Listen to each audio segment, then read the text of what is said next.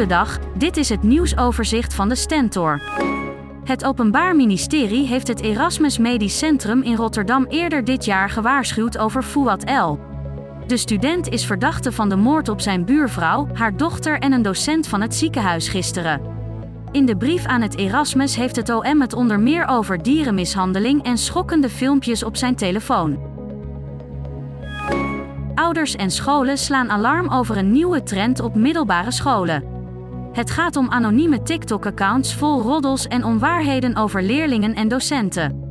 Die accounts zijn heel populair en hebben honderden volgers. Scholen maken zich zorgen over de gevolgen en roepen ouders op met hun kinderen in gesprek te gaan. De gemeente Zwolle laat onderzoek doen naar het werkklimaat bij verschillende opvanglocaties voor vluchtelingen uit Oekraïne.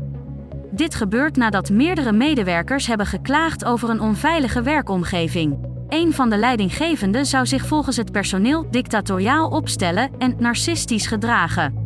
Er zou sprake zijn van een angstcultuur.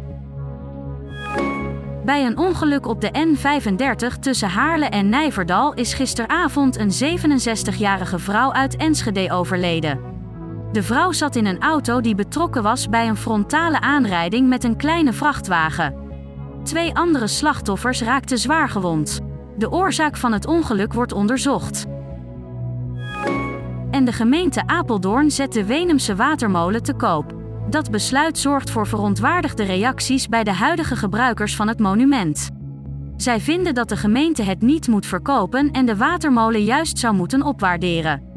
Als het pand inderdaad verkocht wordt, is het afwachten wat ermee gaat gebeuren. Tot zover het nieuwsoverzicht van de Stentor. Wil je meer weten? Ga dan naar de Stentor.nl.